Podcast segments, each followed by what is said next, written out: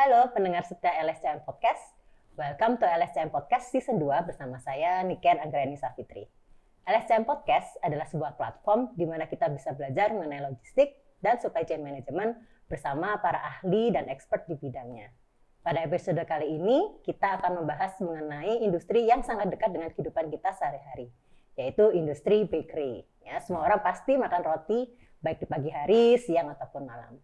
Nah, kali ini kita sudah kedatangan tamu yang sangat spesial, yaitu owner dari Besdaf Bakery, yaitu Bapak Hegi Harjoyo. Selamat pagi, Selamat Pak pagi, Hegi. Bu Neken. Bagaimana kabarnya? Baik, luar biasa. Luar biasa. Fantastis. Terima, fantastis.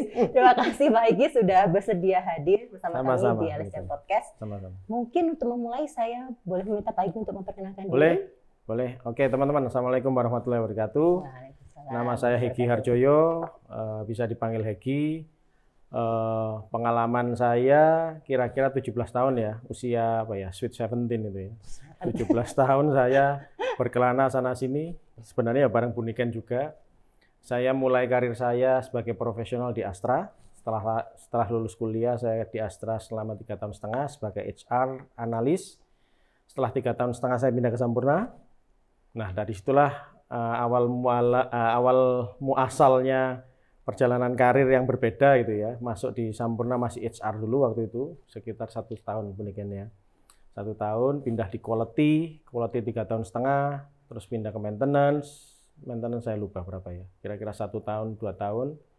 Terus baru masuk ke karir uh, managerial position sebagai production manager. Baru setelah itu uh, jadi ini ya apa itu ala-ala TKI ya ke Filipina ke Hong Kong ke Korea. Akhirnya sekarang saya merintis bisnis bakery yang kira-kira usianya sudah sudah atau baru ya? Baru lah baru dua tahun setengah. Hmm. kira-kira itu perkenalannya.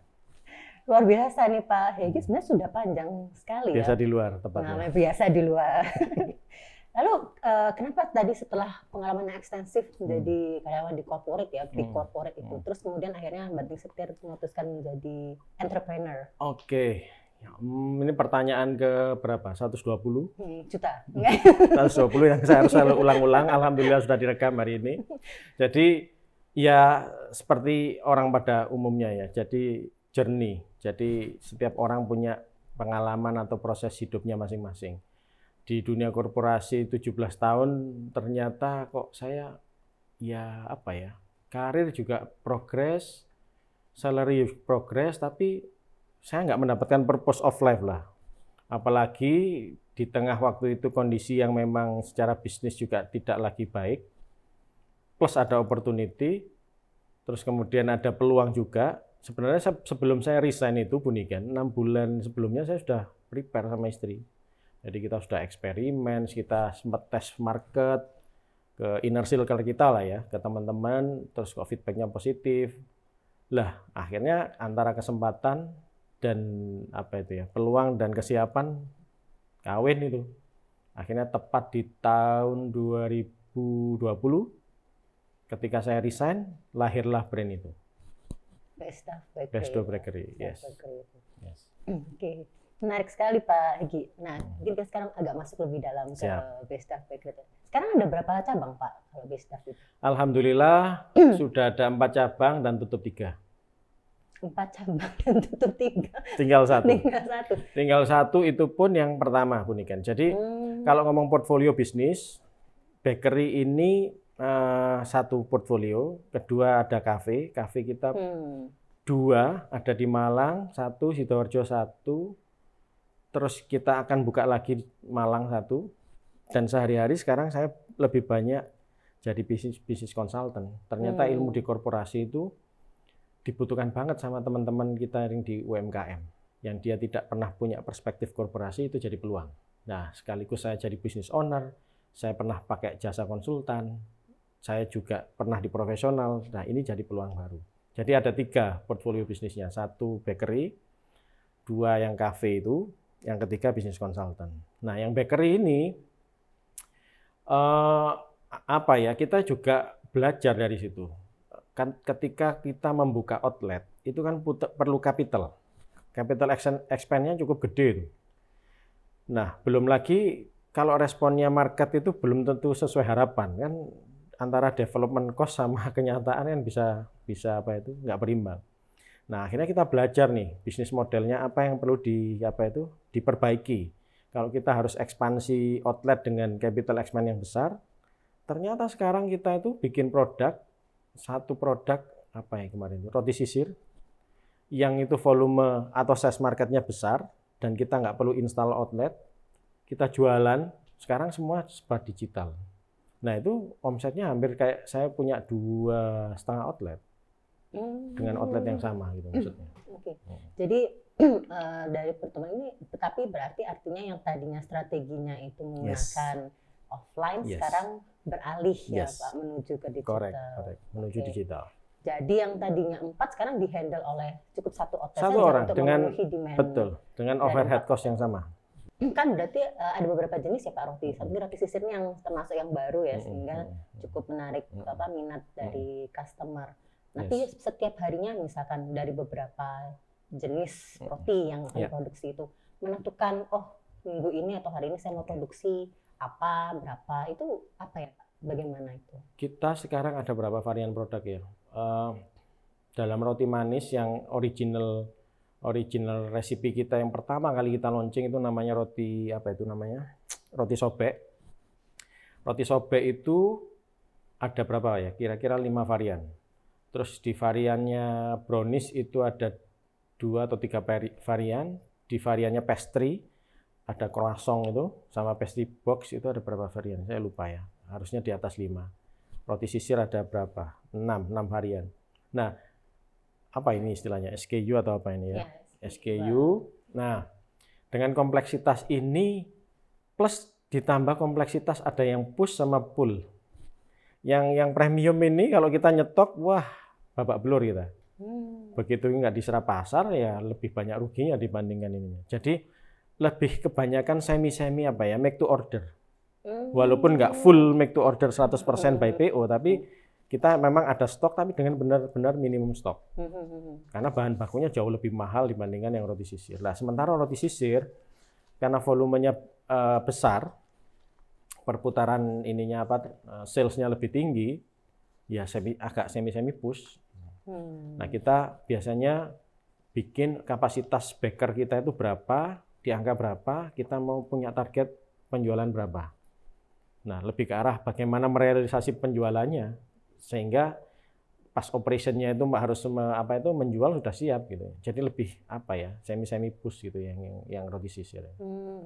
Ada dua pendekatan, okay. di mana ini agak panjang ya. SDM-nya juga tidak seperti kita ini yang di ini ya, yang pernah kuliah supply chain, tahu bagaimana planning, bagaimana inventory control. Enggak, saya ber, apa itu mengelola SDM SDM yang yang ini yang apa itu eh, lulusan SM, SMK itu. Paling mentok tim saya itu yang yang sudah bisa bisa berpikir strategik itu D3 dan dia tidak punya pengalaman seperti ini. Nah, dia harus dealing dengan kompleksitas antara push pull lah itu challenge hmm. itu tantangan. Hmm. Kalau yang push itu kan berarti ada semacam forecast ya yes, atau forecast, perkiraan. perkiraan. Nah, itu penentuan forecastnya bagaimana Pak? Dari sales dulu. Okay. Nah, dari inisiatifnya dulu, terus kemudian dari inisiatif itu kita buat nilainya mau konservatif atau optimistik nih. Hmm. Contoh, kita ada beberapa channel penjualan. Satu walk-in. Walk-in itu berarti mengandalkan orang datang. Hmm. Orang customer datang ke outlet, terus kemudian lihat dia, terus kemudian uh, apa itu ada transaksi penjualan. Ada juga yang main di marketplace. Hmm. Marketplace itu ada Grab, GoFood, Shopee Food. Nah, itu kan perlu perlu inisiatif yang berbeda karena algoritma cara jualannya juga berbeda. Hmm. Yang sekarang lagi lagi viral banget, yang lagi hype banget TikTok. Hmm. Nah, di TikTok itu kita malah bisa lebih memprediksi dengan ketika kita hmm. ads berapa gitu ya. Terus kemudian kita harus live berapa jam gitu ya. Omsetnya kira-kira sekian gitu loh. Nah, nanti kalau kita mau volume berapa ya tinggal algoritma hmm. matematis sederhana aja sebenarnya dan itu lebih agak lebih akurat ya dibandingkan yang walk in dan yang lain-lain. Nah, dari hmm. ketika angka salesnya kita sudah mulai tentukan berapa, kita tarik di operation kita siap di angka berapa, berarti kita harus menyiapkan SDM berapa. Nah, caranya kayak gitu. Cara dari Hmm. dari sales dulu terus ke operation. Mhm. Dan itu forecastnya biasanya apa Pak? Eh, periodenya, waktunya? Apakah harian atau mingguan? Teman-teman bahkan sudah tahu eh, Sabtu Minggu gitu ya, weekend itu kira-kira volumenya seberapa, Hmm. kalau harian itu seberapa. Hmm. Nah, tinggal nanti mau kalau mau scale up, inisiatif apa lagi nih yang harus dikerjakan gitu. Hmm. Divalidasi ke oh iya ini naik, naik berarti kalau operationnya harus disiapkan. Jadi organik Hmm. ininya apa itu eh, preparationnya organik. Hmm. Nggak mungkin kita langsung tanpa ada asumsi apa-apa kita langsung produksi Hmm. massal gitu kan. Hmm. Wah, itu bapak belur di Hmm. ininya, di cost-nya. Oke. Berarti untuk source forecastnya itu tadi kan ada beberapa channel ya Pak Yes. Hegi ya. Mm-mm. Itu apa saja tadi channelnya yang Ada yang offline, digunakan. offline itu kan berdasarkan apa itu kedatangan, orang Hmm. datang ke store. Ada yang online. Online itu ada yang dari beberapa ya, ada yang dari marketplace, Shopee Food, GrabFood, GoFood. Ada yang dari penjualan bahkan dari IG. hmm. IG kita juga bisa ads kan, Facebook dan Instagram. Dan yang terbaru TikTok. Hmm. Nah, yang lagi kita develop hari ini balik ke offline tapi bukan offline outlet. Nah, kita Hmm. lagi lagi mikir bagaimana ah, secara prinsip bisnis kalau di dunia retail gitu ya. Kalau kita mau scale up, berarti produk ini harus available dan visible. Hmm. Available artinya dekat dengan market. Ah, jadi kita harus close to market, makanya bisnis seperti Indomaret, Alfamart itu ber, ya, ah, scale up-nya kencang banget karena dia benar-benar go to market. Jadi sudah dekat dengan market. Nah itu yang lagi kita pikirkan, bagaimana kita nyasar ke kafe-kafe, terus Hmm. pusat oleh-oleh, Hmm. terus apalagi misalnya bahkan ke Indomaret, Alfamart yang untuk program produk-produk yang lokal. Hmm. Nah kita lagi mau bikin inisiatif itu. Ketika angkanya tervalidasi, ya operationnya harus disiapkan lagi. Mulai Hmm. dari perencanaan apa itu pengadaannya, eh, terus kemudian penentuan inventory levelnya, bahkan sampai ke manning manning untuk ini ya, untuk backingnya. Hmm. Bisa juga shift operationnya mungkin sekarang bisa satu dua shift. Nah itu mau nggak mau mungkin bisa tiga shift itu kalau kita nggak mau nambah mesin. Hmm, hmm, hmm, hmm. Selama Gitu. ini pernah nggak Pak Hegi ada kendala? Karena kan ini kan ada beberapa Sering. channel ya. Oh, sering. Mungkin Bagian bisa dari kehidupan. itu.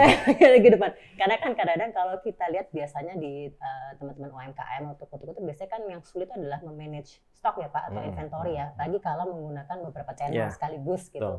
Nah mungkin Pak Hegi bisa share nih dari sebelumnya. Pain point-nya ya berarti ya. Betul ya pain point-nya. Nah, saya bisa agak elaborate beberapa informasi tidak hanya dari kasus saya eh, sebagai pemilik roti ini ya, bisnis roti, tapi juga klien-klien saya di dunia UMKM ini. Kebanyakan ini di teman-teman UMKM itu ya, behaviornya ketika stoknya banyak itu merasa aman, nyaman itu ah damai lah gitu. ya. Nah damai. Nah padahal itu sebenarnya behavior yang untuk sebuah perusahaan malah justru nggak efisien Hmm. ya kan? Nah, kadang juga mereka itu mengeluh, kita nggak ada uang ini untuk untuk scale up ini. Aku pengen buka cabang dan sebagainya gitu. Hmm, hmm. Nah, ketika saya datang ke klien, terus saya tanya, "Eh, revenue kamu berapa? Terus COGS ya, cost of goods sold, guys, apa HPP lah namanya. HPP harga pokok penjualanmu berapa? Saya sudah bisa memprediksi kira-kira inventorymu dianggap berapa. Mereka belum pernah ngukur inventory value itu dirupiahkan itu jadi berapa, belum ada ukurannya. Hmm, hmm. Nah, biasanya saya bilang, saya pakai rumus ketika saya masuk klien pertama, pasti mereka mainnya inventory itu umurnya sampai 4 sampai 6 bulan. Untuk untuk kebutuhan 4 sampai 6 bulan ke depan Hmm. dengan perputaran sales yang dia punya ini. Nah, kan aneh kalau sekarang lead time untuk pengadaan satu bulan, kalau dia harus punya inventory sampai 6 bulan kan berarti overstocknya kan lima bulan itu kan Hmm, hmm. overstocknya lima bulan, belum lagi di situ ada dead stock, belum lagi di situ harus gudang nambah gudang baru, sewa kan biaya kan, nambah SDM juga di situ Hmm. untuk uang diam yang harusnya dia bisa buka dua atau tiga cabang, malah menghasilkan dead stock, menghasilkan apa itu eh, bad product. Itu terjadi di di teman-teman kita UMKM. Hmm. Nah, kalau yang saya lakukan, saya bangun ownership-nya. Saya enggak, enggak, enggak perlu apa itu, men- men-training mulai bagaimana supply chain itu harus dikelola gitu kan. Itu berapa SKS itu kalau harus fokus di situ gitu kan. Saya pakai shortcut aja. Aku pengen punya margin atau profit sekian. Hmm. Terus aku punya cash flow yang positif. Sudah itu aja.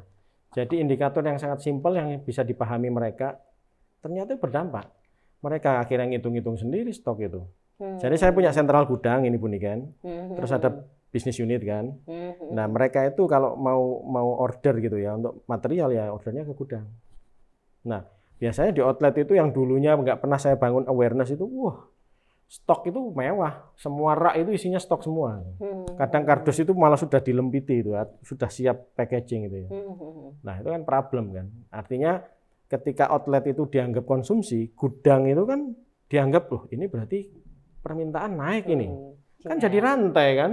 Betul, betul. Nah, inventorinya bergeraknya rantai akhirnya. Nah, hitung-hitung, waduh uang diam semua ini di sini. Itu problem yang uh, fundamental tapi itu sangat umum di dunia UMKM. Iya betul. Artinya ada juga tidak sinkronan informasi juga yes, ya Pak ya. Betul. Ini saya menjadi ingat istilah bullwhip lah karena hmm. yang tadinya sebenarnya bukan demand tapi yes tapi diterjemahkan akhirnya false information demand. Nah, hmm. akhirnya numpuk dong Pak numpuk stoknya. numpuk akhirnya cash flow yang problem betul betul apalagi uh, kalau kita melayani beberapa apa ya uh, segmen customer yang semi semi B2B gitu ya bisnis to bisnis kan hmm, hmm, dia kan pasti minta termin nah terus kemudian kalau kita UMKM nggak punya bargain power ke supply-nya punya bargain pointnya hmm. baik, bayarnya cash. Nah, cashnya ditumpuk di situ, terus kemudian cash yang masuk harus termin, kan akhirnya nggak bisa jalan cash flow-nya. Hmm. Cash cash out-nya lebih banyak dibandingkan cash in. Lama-lama tekor, nggak bisa untuk operasi, uh, operasional. Kalau selama ini Pak untuk memanage inventory itu apakah menggunakan suatu tool tertentu atau? Nggak ada, sederhana jadi hmm. kita lihat dari turnovernya salesnya berapa, hmm. item per item, terus kemudian kita pakai angka maksimum, sudah pakai angka seperti itu ya, maksimum hmm. maksimum transaksinya berapa per bulan. Hmm. Setelah itu uh, dipertimbangkan lead time-nya berapa lama, itulah buffer stock. Ah, Simple. Dengan angka itu aja Bu kan, dengan sudah angka maksimum transaksi yang kita pakai, hmm. itu uh, inventory ininya apa itu? Dia menyimpan inventory itu sudah sampai empat bulan sampai enam bulan. Kebayang nggak maksudnya? Hmm, hmm, hmm. Kan harusnya kan bukan pakai angka maksimum. Kalau kita ngomong kan bisa pakai standar, standar deviasi, yeah, apalah. Uh, kan banyak kan uh, ininya kan. Apa itu? Level service level. Itu sederhana, maksimum transaksinya berapa, terus dibandingkan lead time-nya berapa. Misalnya dalam satu bulan transaksinya item ini butuh 100 piece gitu ya. Hmm. Nah, ini kan maksimum transaksi sales-nya kan. Lead time-nya satu bulan, berarti aku harus punya buffer 100 piece. Hmm. Nah kenyataannya teman-teman itu ada yang 500 piece, ada yang 600 piece. Gitu. Sudah pakai angka maksimum, overstock pula. Hmm. Ketika jadi overstock itu bagaimana ya Pak? Anu, apa namanya menangannya? Overstock kan artinya berarti ada yang tidak terserap ya. Betul. Dan roti itu kan ada batas uh, ini ah, kalau oh, material relatif aman. Uh, ya, Tapi kalau good product, pro, uh, finish finish, finish product, wah itu tantangannya di situ. Hmm. Saya kalau yang untuk premium besoknya itu sudah sebenarnya sudah harusnya tidak dijual. Hmm. Kadang kita turunkan grade-nya sudah. Jadi bukan grade yang untuk dijual lagi. Tapi kalau untuk yang yang massal gitu kan, kita memang bikin produk walaupun tanpa pengawet, kita main di teknik pembuatannya itu bisa hmm. seminggu. Oh, Seminggu itu layak layak jual ya. Hmm. Kalau layak makannya bisa sampai dua minggu. Tapi kalau material relatif aman lah, kayak tepung terus apa ya. Uh, apa namanya itu untuk mengembangkan itu saya kok agak lupa itu. Itu, itu baik bukan. bukan. Wah, saya oh, agak kurang ya, masak, saya, masak ya, Pak. itu kan sudah kemasan kan dan tertutup rapat itu hmm. enam hmm. bulan bisa sih. Hmm. Lebih ke arah cash flow. Hmm. Cash flow tapi juga ada peluang kalau itu expired kan jadi nggak bisa diapa-apain udah. Itu kan benar-benar full waste akhirnya kan. Hmm. hmm. Dijual nggak bisa, dipakai pun ya berbahaya. Ya dibuang akhirnya. Pak mungkin balik sedikit ke apa namanya forecast tadi. Tadi kan kita sempat membicarakan mengenai finish hmm. goods-nya ya, yang hmm. kemudian kan pasti membutuhkan uh, bahan baku yang biasanya relatif mirip-mirip nih antara jenis-jenis Oh, iya. rotinya ya. Mm-mm. Nah, untuk menentukan apa level inventory atau kira-kira saya harus punya stok untuk bahan baku ya, Pak. Mm-mm. Nah, itu biasanya menggunakan apa-apa juga sama pendekatannya cukup. Enggak, kita nggak nggak nggak ada MRP atau sejenisnya lah. Material required. Enggak, kita sederhana Bunikan. Jadi gudang itu akan melihat transaksi transaksinya bisnis. Hmm. Contoh sederhana. Tepung ini aku setiap ke eh, bakery gitu ya, ke yang unit bisnis yang bakery ini. Tepung ini setiap hari ternyata pakainya misalnya 25 kilo. Hmm. Naik turun naik turun dan sebagainya. Ya dari angka itu aja yang dipakai. Hmm. Karena kan jadi kayak seakan-akan ini bisnis unit kan. Hmm. Dan saya juga ambil margin di sini. Oh jadi jadi ini jadi jadi sharing ini membu- membuka dapur saya. Jadi saya anggap bisnis unit ketika dia menyuplai, dia sudah punya margin juga di situ. Hmm. Jadi jadi uh, ordernya mereka ini bisnis unit mereka masing-masing ini dianggap sale sama dia. Gitu aja. Kita nggak nggak nggak punya yang macam-macam. Tapi di beberapa klien saya mau nggak mau harus bikin MRP. Hmm. Jadi dari apa itu? Dari salesnya dia, apalagi untuk sales yang seperti apa itu? Klien-klien saya yang di garment, dia harus menjual puluhan ribu piece per bulan. Wah, itu harus bikin bill of material itu. Bill of material, asumsi waste-nya berapa kira-kira, terus kemudian aku harus mengadakan material berapa itu. Sampai ke kontrol inventory. Ya sekompleks itu akhirnya. Hmm. Untungnya kalau di di apa itu di bisnis saya saya buat operasional model yang simple aja. Ya intinya kan bisnis harus harus scaling up lah, jangan sampai jadi apa itu terjebak di teknis. Hmm. Tapi kalau yang bisnis-bisnis yang sudah di level yang butuh kompleks, ya mau nggak mau ya harus bikin Hmm. itu. Hmm. BOM dan MRP perlu. Ya. Gitu. Baik. Eh, mungkin kita sekarang berbicara sedikit ke material ya, Pak, raw Siap, materialnya. siap. Nah, sampai saat ini berapa supplier, Pak, atau vendor yang memasok Hmm. bahan baku ke Berapa ya? Berapa ya? Ada mungkin sekitar 20-an, ya 20 lebih lah. Dan rata-rata klien-klien saya pun maksimum ya 50. Oke. 50 pun itu bunikan kalau di Pareto ya, 80 20. Hmm. Paling supplier yang memegang volume terbesar ya 3 4. Hmm. Setelah setelah itu volume-volume receh. Hmm, hmm, hmm, hmm. Nah, itu model apa? kerjasamanya atau agreement atau Organik. Organik aja. Oh gitu. Organik. Nah. Jadi rata-rata problemnya baik di bisnis saya maupun di bisnis teman-teman awal-awal juga nggak pernah punya fungsi anu procuring apa namanya purchasing. Hmm. Hmm. Padahal itu fungsi yang sangat strategis di bisnis dan itu dampaknya langsung ke margin.